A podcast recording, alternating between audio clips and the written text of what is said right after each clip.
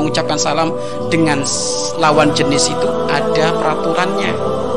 Ya kalau mungkin mengucapkan salam dengan lawan jenis akan terjadi guyonan nggak usah mengucapkan salam. Tapi kalau ternyata semuanya amanah nggak masalah. Lalu sekarang apa coba itu yang setan pinter. Janjian malam mingguan di alun-alun. Assalamualaikum aji abah sehat? Waduh waduh waduh. Sudah panggil abah laki-lakinya jawab alhamdulillah umi. Waalaikumsalam umi. Sehat umi. Oh, abah umi neraka ini. Kapan nikah sudah manggil abah umi? Sudah gitu abah umi oh, abah abah jangan lupa ya malam.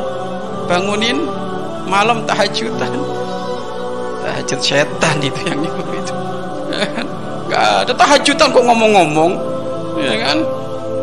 Benar sholat hati bangun tahajud ya kan? Tahajud di WA SMS sholat tahajudan Alhamdulillah sudah habis empat rakaat. Empat rakaat gondolmu padahal dia tidur.